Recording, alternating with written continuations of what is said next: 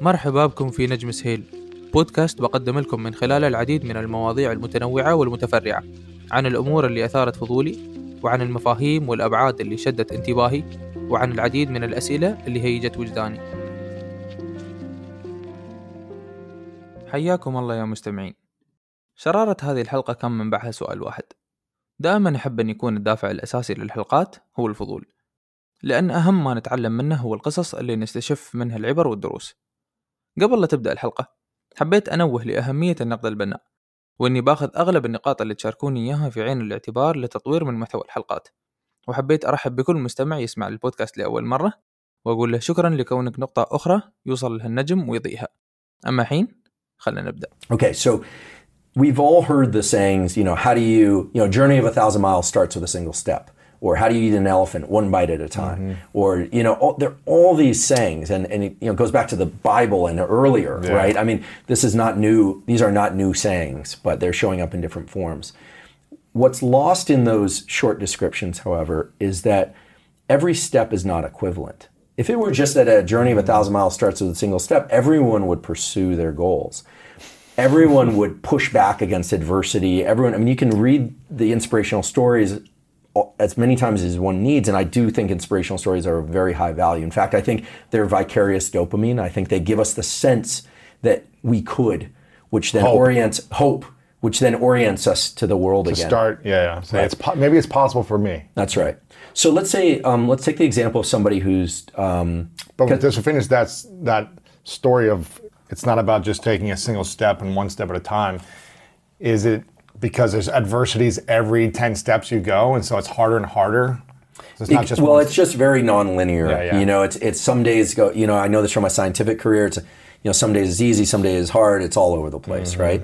So I think the thing to remember is that dopamine is this incredibly powerful molecule that allows us to buffer the effort process. It allows us to be in effort longer, and it allows us to actually eventually enjoy the process of effort. and not think about the reward, but just say, "Oh, I'm enjoying the process." Right. Well, you just described the first step. The first كان هذا حوار بين عالم الأعصاب أندرو هيوبرمان مع صاحب بودكاست The School of Greatness أو مدرسة العظمة تكلم العالم أندرو خلال هذه الحلقة عن عدة مواضيع أنا عن نفسي ما أحب ألتزم بصميم الموضوع وبس بل أحب أن أربط الموضوع الأساسي بعدة مواضيع أخرى جانبية حتى وإن كانت من وجهات نظر مختلفة تكلم العالم خلال هذا المقطع حول عدة هرمونات ذكرناها في الحلقة الثانية من البودكاست وتكلم عن الصعوبات اللي واجهها الإنسان في حياته وكيف أن كل مرحلة معينة من الزمن والسن تتطلب عقلية مختلفة أو وجهة نظر مختلفة لاجتيازها.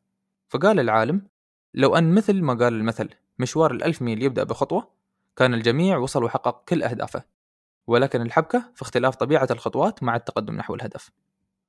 على طاري هذا الموضوع بنذكر الحين قصتين أو مثالين علشان نسلط الضوء على بعض المحاور.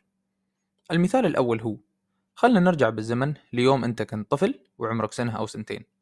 كم نسبة الصعوبة لأن تتعلم تتكلم أو تمشي أو تكتب أو غيرها من الأمور أو الأنشطة اللي اليوم هي بالنسبة لك جوهرية ويمكن مستحيل تمارس حياتك بشكل طبيعي بدونها.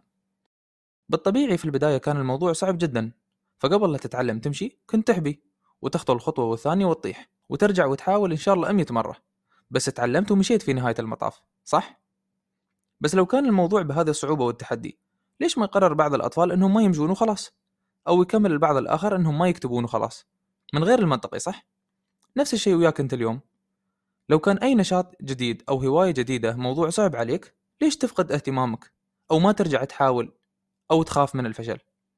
ليش أنت يوم صغير تعلمت الكثير من الأشياء اللي كانت صعبة جدا عليك والحين ترفض؟ في حد ممكن يقول يوم إحنا كنا صغار ما كان عندنا الاختيار أن نتعلم شيء وشيء ثاني لا. أو أن هذه الأمثلة تعتبر جوهرية جدا لغاية أن ما نقدر ناخذها كأمثلة.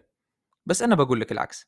لو كانت هذه الأمور أكثر جوهرية فقط معناه أن تعلمها مهم مش معناته أن تعلمها أسهل. ولو تفكر أنك أنت تعلمت العديد من الأنشطة الجوهرية أو الروتينية وأصبحت اليوم بالنسبة لك مثل التنفس ما ساعدك فيها غير شيء واحد الممارسة والتكرار. ما كان ولا شيء أسهل أو نشاط أسهل أو هواية أسهل من غيرها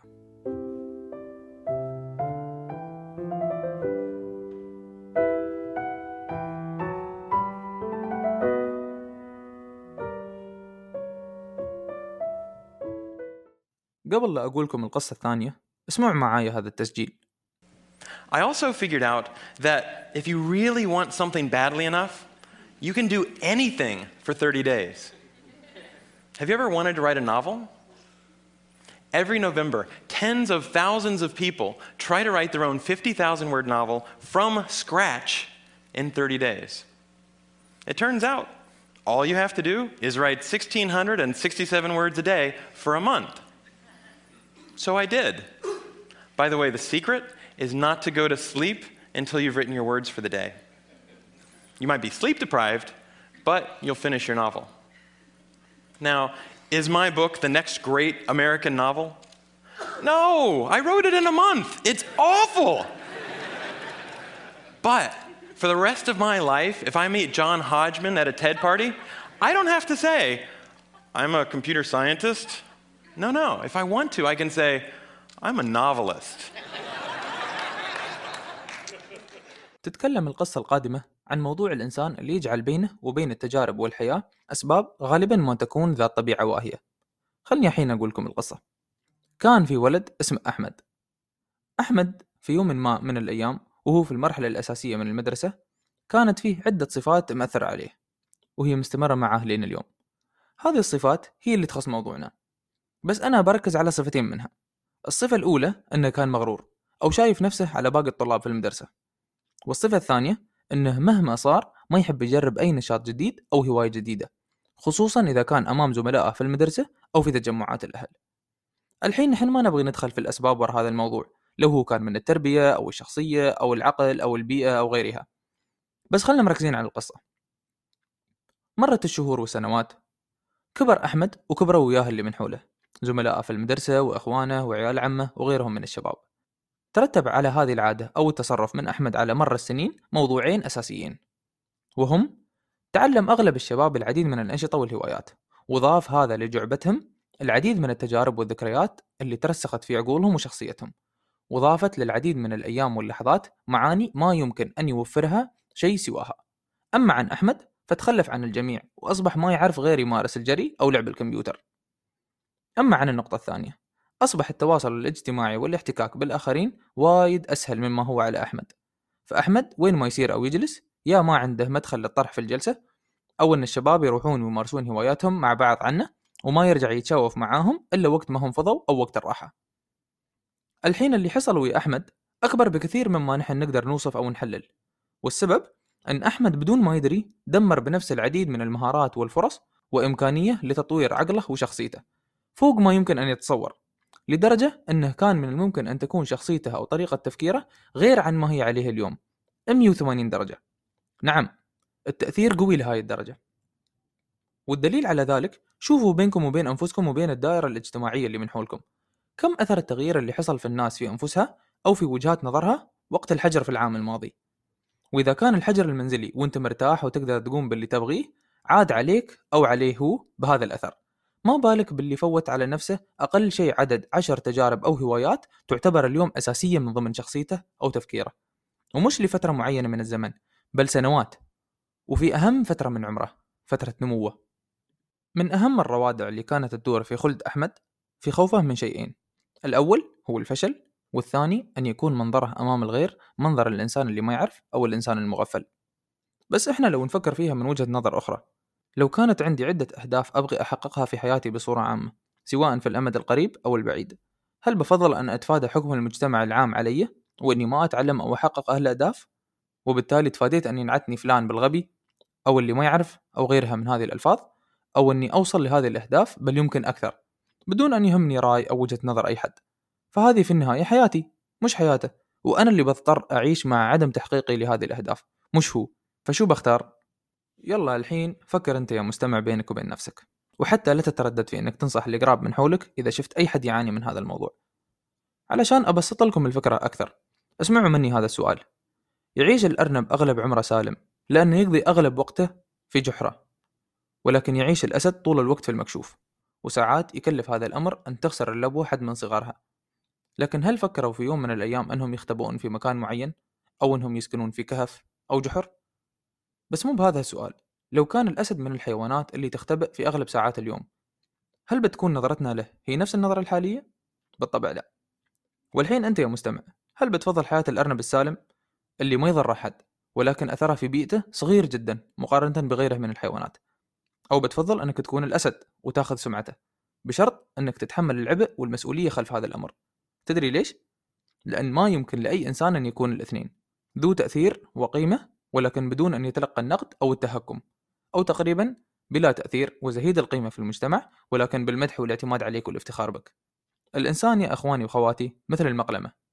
كل ما كانت فيها أدوات أكثر كل ما عادت بالمنفعة على صاحبها وعلى اللي من حوله أكثر. وكل ما قلت الأدوات اللي فيها كل ما قدرت تنفع صاحبها بأقل القليل. وصعب عليها أن تفيده أو تفيد الغير لقلة مواردها. وبنفس الشيء ويا الإنسان في حياته.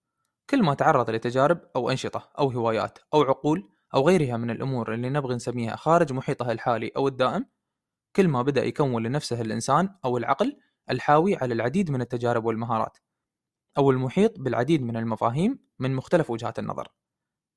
الخيار بيدك.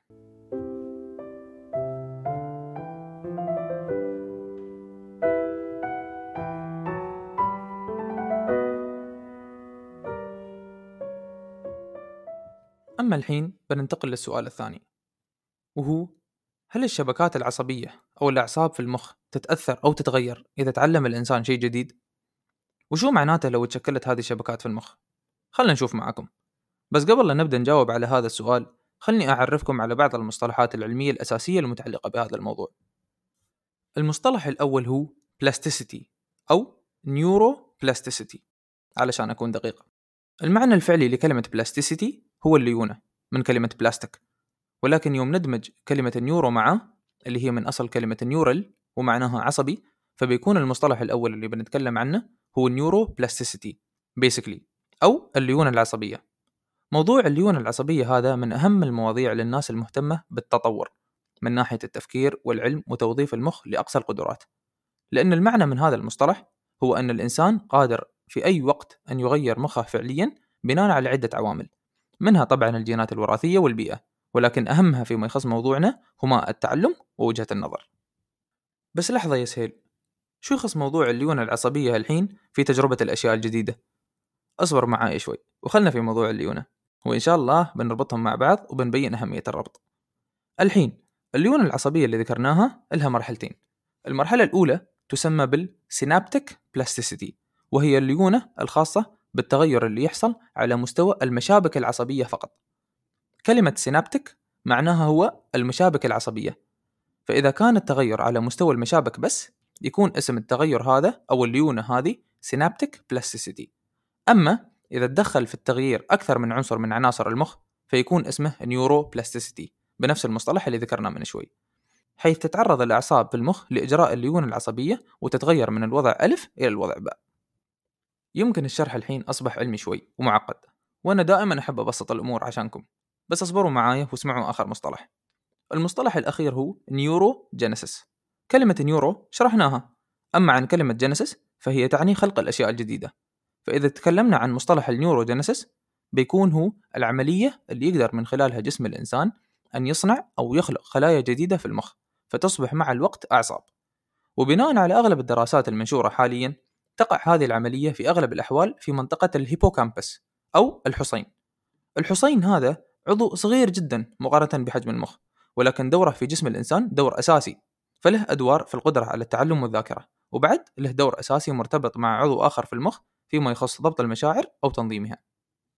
وفي دراسة من الدراسات ألقى بعض العلماء النظر على أدمغة سائقي سيارات أجرة أو تاكسي خضعوا للتدريب لحفظ 25 ألف شارع من شوارع مدينة لندن فوجدوا أن اللي حفظوا الشوارع من خلال التدريب كان معدل منطقة الحصين عندهم أكبر من معدل المنطقة نفسها عند السائقين اللي ما تدربوا ليش ذكرت لكم عملية النيوروجينيسيس؟ وشو دورها فيما يخص موضوعنا؟ دورها يا مستمعين هو أن من الممكن أن يقوم الإنسان بهذه العملية طوعا منه وفي الاتجاه اللي هو يختاره حتى وهو في سن الشخص البالغ ولكن أفضل فترة يقدر يقوم فيها الإنسان بهذه العملية أو عملية النيوروبلاستيسيتي اللي ذكرتها هي من الولادة لغاية عمر ال 25 سنة. ومن بعدها تكون عملية الليونة العصبية ممكنة ولكن مع كبر السن تصعب أكثر وأكثر. يؤثر تعلم الإنسان لأي شيء جديد سواء كان من الممارسة المتكررة لبعض الأنشطة أو من كثرة التجارب لمختلف الأنشطة أو العلوم على المخ في عدة مستويات. تتفاوت بين الأصغر أثرا واللي يكون على مستوى الجزيئات أو الأكبر أثرا واللي تكون على مستوى تغيير بعض الأعصاب لأنشطتها. وبالتالي يؤثر هذا التغيير كل ما تكرر على الهيكل العصبي اللي في المخ ككل. وطبعا يعتمد ويتفاوت من كل شخص إلى آخر. كل ما استمر الإنسان في التعلم وتجربة الأنشطة الجديدة أو الهوايات أو العلوم كل ما خضعت الأعصاب في مخه لهذا التغيير. ولا تفتكرون أن التغيير اللي أتكلم عنه موضوع صعب؟ تعلم الإنسان لأي شيء جديد عموما يسبب تغيير في المشابك العصبية اللي ذكرناها. وتأخذ هذه التغييرات حوالي 15 ساعة علشان تأخذ فعاليتها وهيئتها الجديدة في المخ. وعلشان تفهمون بساطة هذا الموضوع عموما أو التغيير اللي أتكلم عنه قراية أي رواية خيالية أو البحث في جوجل لمدة من الوقت كفيلين بضغط الزناد لبداية عملية التغيير هذه and this is the hippocampus. So this is this gray structure in the center of the brain. And what we know since already very long is that this is important for learning and memory and mood and emotion. However, what we have learned more recently is that this is one of the unique structure of the adult brain where new neurons can be generated. And if we slice through the hippocampus and zoom in, what you actually see here in blue is a newborn neuron in an adult mouse brain. So when it comes to human brain, my colleague Jonas Friesen from the Karolinska Institute has estimated that we produce 700 new neurons per day in the hippocampus. So you might think this is not much according to the billions of neurons we have, but by the time we will turn 50, we will have all exchanged the neuron we were born with in that structure with adult born neurons. So, why are these new neurons important and what are their functions?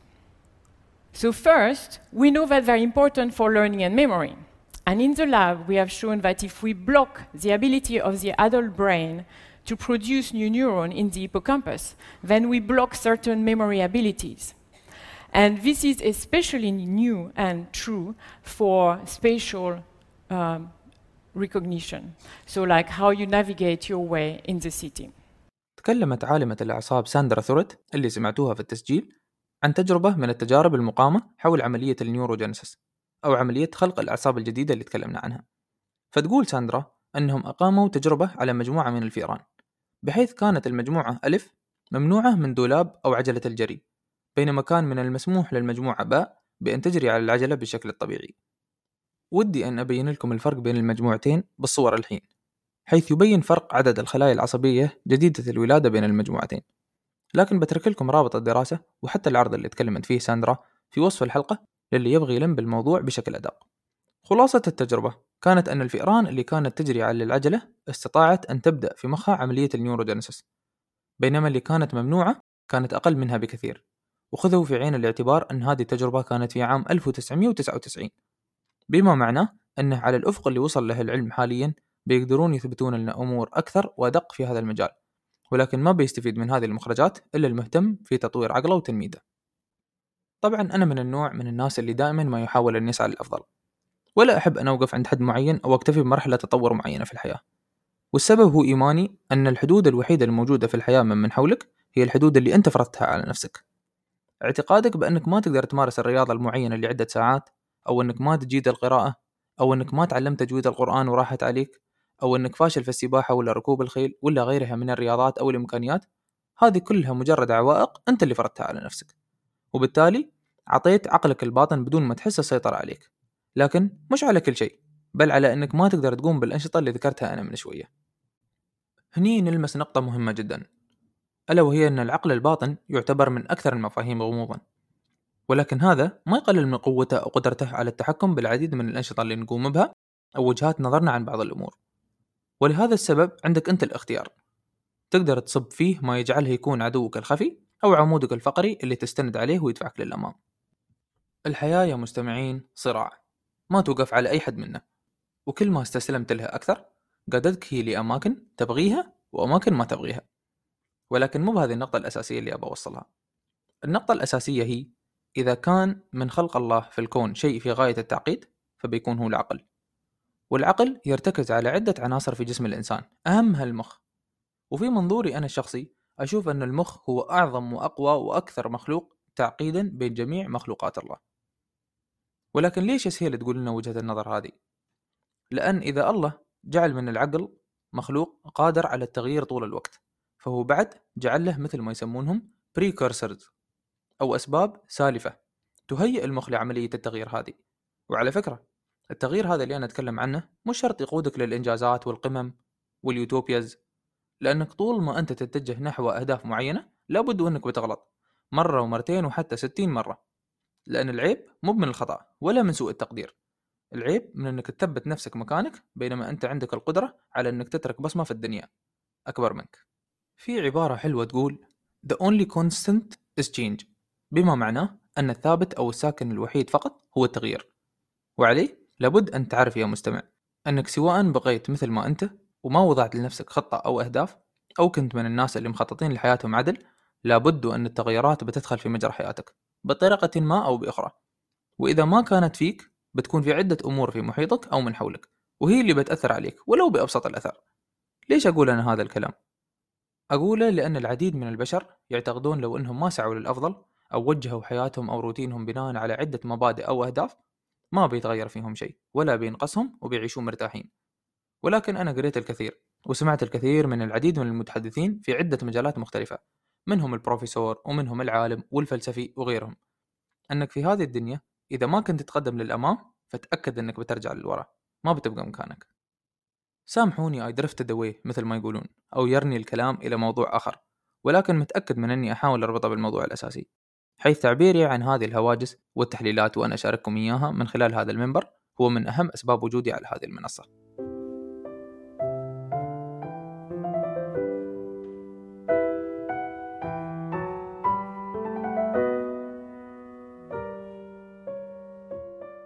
عموما نرجع لمحور الحديث الحين. أثبتت العديد من الدراسات أن للموسيقى أثر كبير على التغيرات في المخ أو بالأحرى في أعصاب المخ. وتكلم الدكتور محمد قاسم صاحب بودكاست ساوير عن هذا الموضوع. بحط لكم رابط الحلقة في الوصف للي حاب يسمعها. توصل العلم بأن أثر عزف الإنسان للآلات الموسيقية أو حتى تعلمها لها يحث على تغيرات هيكلية في المخ. تبدأ من السينابتك بلاستيستي اللي ذكرت لكم إياه وأنها من الممكن أن تتضاد مع الضعف الإدراكي اللي يصاب به الإنسان مع كبر السن. في معلومة حلوة حبيت أذكرها. تخص تعلم الأشياء عموما مش الموسيقى فقط. وهي أن مش شرط عند تعلم الإنسان لمهارة جديدة أو علم جديد أن تخلق في مخه خلايا جديدة أو أن تتغير مشابك الأعصاب.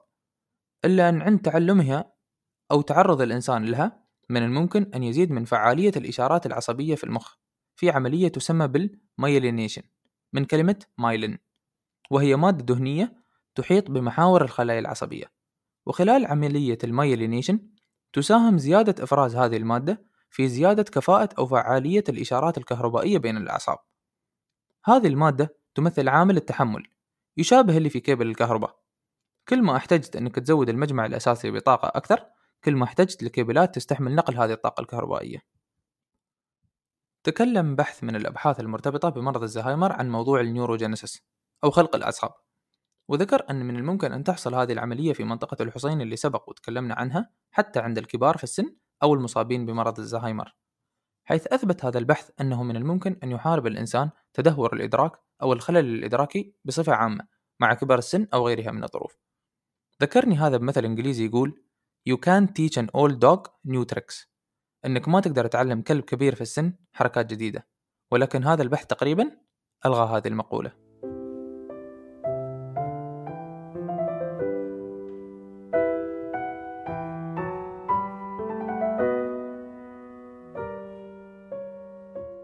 يذكر مقال من مايو كلينيك أن المخ مثل العضلة. You need to use it or lose it. بما معناه أنك تحتاج أنك تستخدمه ولا بتفقده.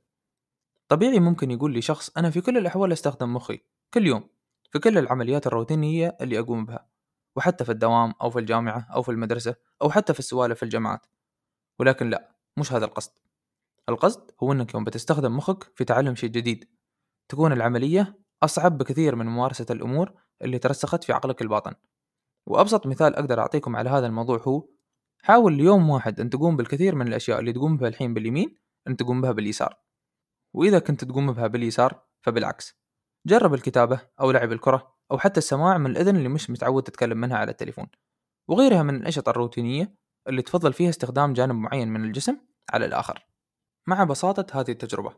إلا أنها بتطلق العديد من الإشارات الكهربائية في المخ سببها أن مخك يحاول يبني شبكات على طريقة التصرف الجديدة اللي أدخلتها أو عرفت المخ عليها. إضافة لهذا الاقتراح حتى لعب الكلمات المتقاطعة أو السودوكو أو قراءة الكتب عموما ومنها الخيالي بالأخص يلعبون دور كبير في عملية الحفاظ على صحة المخ والتغير في أعصابه. وفي آخر نقطة بتكلم عنها من المقال قال الدكتور دون ديكستر كاتب المقال لا تشاهد الكثير من التلفاز. فهذا يعتبر a passive activity أو نشاط غير فعال بما معناه أنك ما تشغل مخك وايد وأنت تقوم بهذا النشاط. فبهذا تكون مشاهدة التلفاز كثيرا أو غيرها من الأنشطة الغير فعالة أنشطة تحفز مخك بقدر غير جدير بالذكر. وأنا أبحث بين المقالات لهذه الحلقة؟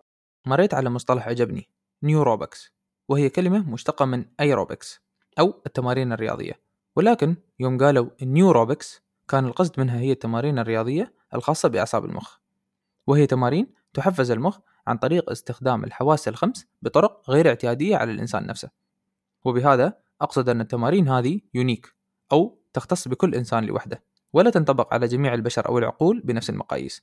ففي وحدة من الدراسات في علم الأعصاب اكتشفوا أن الألعاب ثلاثية الأبعاد طورت من أداء وظيفة الذاكرة في مخ الإنسان بمعدل 12% أكثر من الألعاب ثنائية الأبعاد. ورجع هذا لسبب أن الألعاب ثلاثية الأبعاد معقدة أكثر. وتطلبت من اللاعب أن يتدرب أو يمارس اللعبة أكثر ويتذكر أكثر فيما يخصها. وعليه ذكر الدكتور سهاي أن أي نوع من التجارب الغنية اللي تخليك تركز أكثر حتى ولو لفترات قصيرة من الممكن أن يكون لها بعض الأثر على منطقة الحصين اللي تكلمنا عنها. وعلى نفس مساق الأمثلة اللي ذكرت لكم إياها قبل ذكر الدكتور أن من الممكن أن يجرب الإنسان أن يستخدم يده الغير مهيمنة وهو يفرش أسنانه أو حتى وهو يحرك كوب القهوة. مثل ما سبق وقلنا التجارب أو المهارات أو الهوايات الجديدة لا تعد ولا تحصى. ومن الممكن أن يعرض الإنسان نفسه للعديد من الأمور اللي كانت مجهولة بالنسبة له ويكتشف بعد فترة قصيرة من الزمن أنه مش بس يجيدها بل أنه قادر على أن يبدع فيها. وطول الوقت وأنا أبحث وأشرح لكم أحاول أبسط الأمثلة. فحتى أنك تتعلم تطبخ وجبة تابعة لحضارة أخرى أو السفر لمدينة لأول مرة كل هذه الأمثلة في حلقة اليوم مهما تفاوتت صعوبة ممارستها أو تجربتها تساعد في خلق الخلايا العصبية الجديدة في المخ وتضيف مدخلاتها في العمليات الخاصة بالأعصاب والمخ اللي سبق وأن ذكرناها من شوي.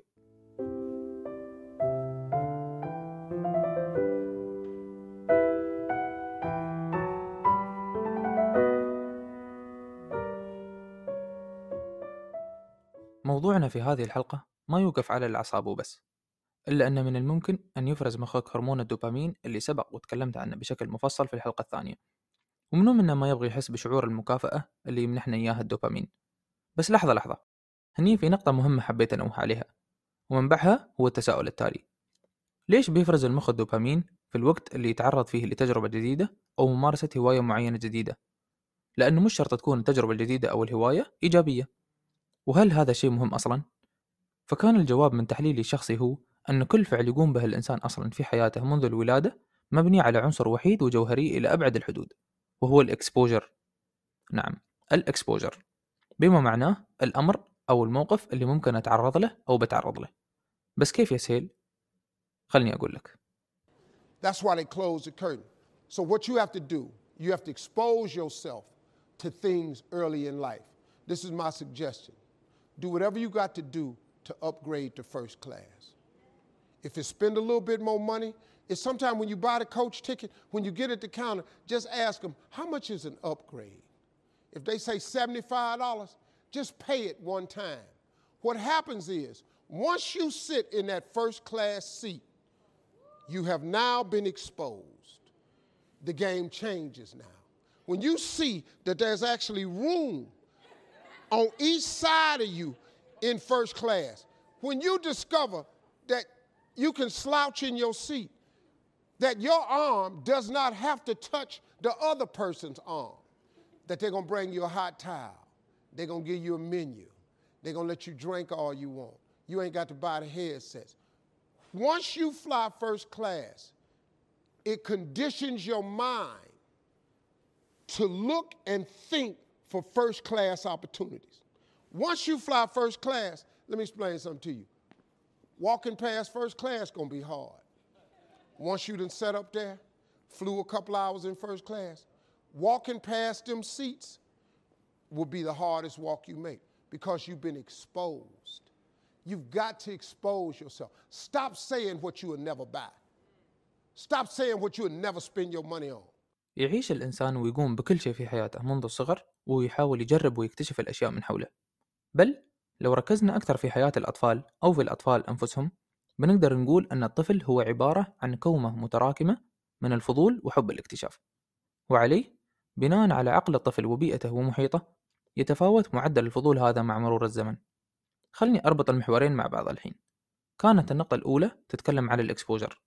فإذا كانت حياة الإنسان منذ الطفولة مبنية على الفضول وحب الاكتشاف فما بتكون المخرجات أو النتائج إلا محفزات على ال exposure أو حتى أن يكون ال exposure هذا هو العنصر الوحيد المستفاد منها. ما عليكم ما بخلص النقطة بدون أمثلة علشان توضح الصورة. يمر الإنسان بالظروف أو التجارب التالية في المسار الطبيعي للحياة وهي يدرس في المدرسة أو الجامعة يلعب مع أصدقائه أو إخوانه أو الأطفال من الأهل يباشر العمل في مكان ما يتزوج يتردد على المجالس ويسافر. كل هذه الأمثلة والأسباب وأساليب عيش الحياة لسبب واحد. وهو الإكسبوجر فأنا أدرس بغض النظر عن مكان الدراسة أو المستوى التعليمي علشان أعرض نفسي للعلم اللي أنا ما أعرفه وأتعرف على ناس من نفس السن يشاركوني تجارب أنا ما عشتها.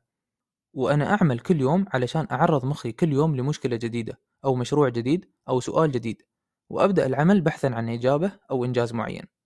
وبهذا فأنا أعرض نفسي بشكل تلقائي للعديد من التجارب والأفكار ووجهات النظر اللي ما خطرت على بالي أو ما كانت تحت منظار اطلاعي الحالي وأحضر الجلسات العائلية للعديد من الأسباب المشابهة وأسافر لدول مختلفة علشان أعرض نفسي للحضارات وأساليب عيش الحياة المختلفة وحتى الأكلات الغريبة أو الاحتفالات الشعبية وغيرها من التجارب والأمثلة اللي غالبا ما فهمت أنها لا تعد ولا تحصى وكل هذا لسبب واحد بس الإكسبوجر. وبهذا على كل منا أن يركز دائما على أن يجعل ما يحيطه أو ما هو من حوله باختياره ومش موجود غصبا عنه مع أنه لو كان غصبا عنه وله أثر إيجابي ما بيكون في مشكلة ولكن المشكلة في الأثر السلبي أو البيئة المحبطة إذا ما كانت بالغصب أو في ظرف صعب التبديل. ولكن ليش هذا الحرص؟ لأن كل هذه التجارب وكل هذه الأحداث إذا ما شكلتنا فهي بالتأكيد أصبحت جزءا منا وبهذا أنهي الحلقة بالسؤال التالي. متى آخر مرة قمت فيها بشيء جديد؟ لأول مرة؟ شكرا وفي أمان الله.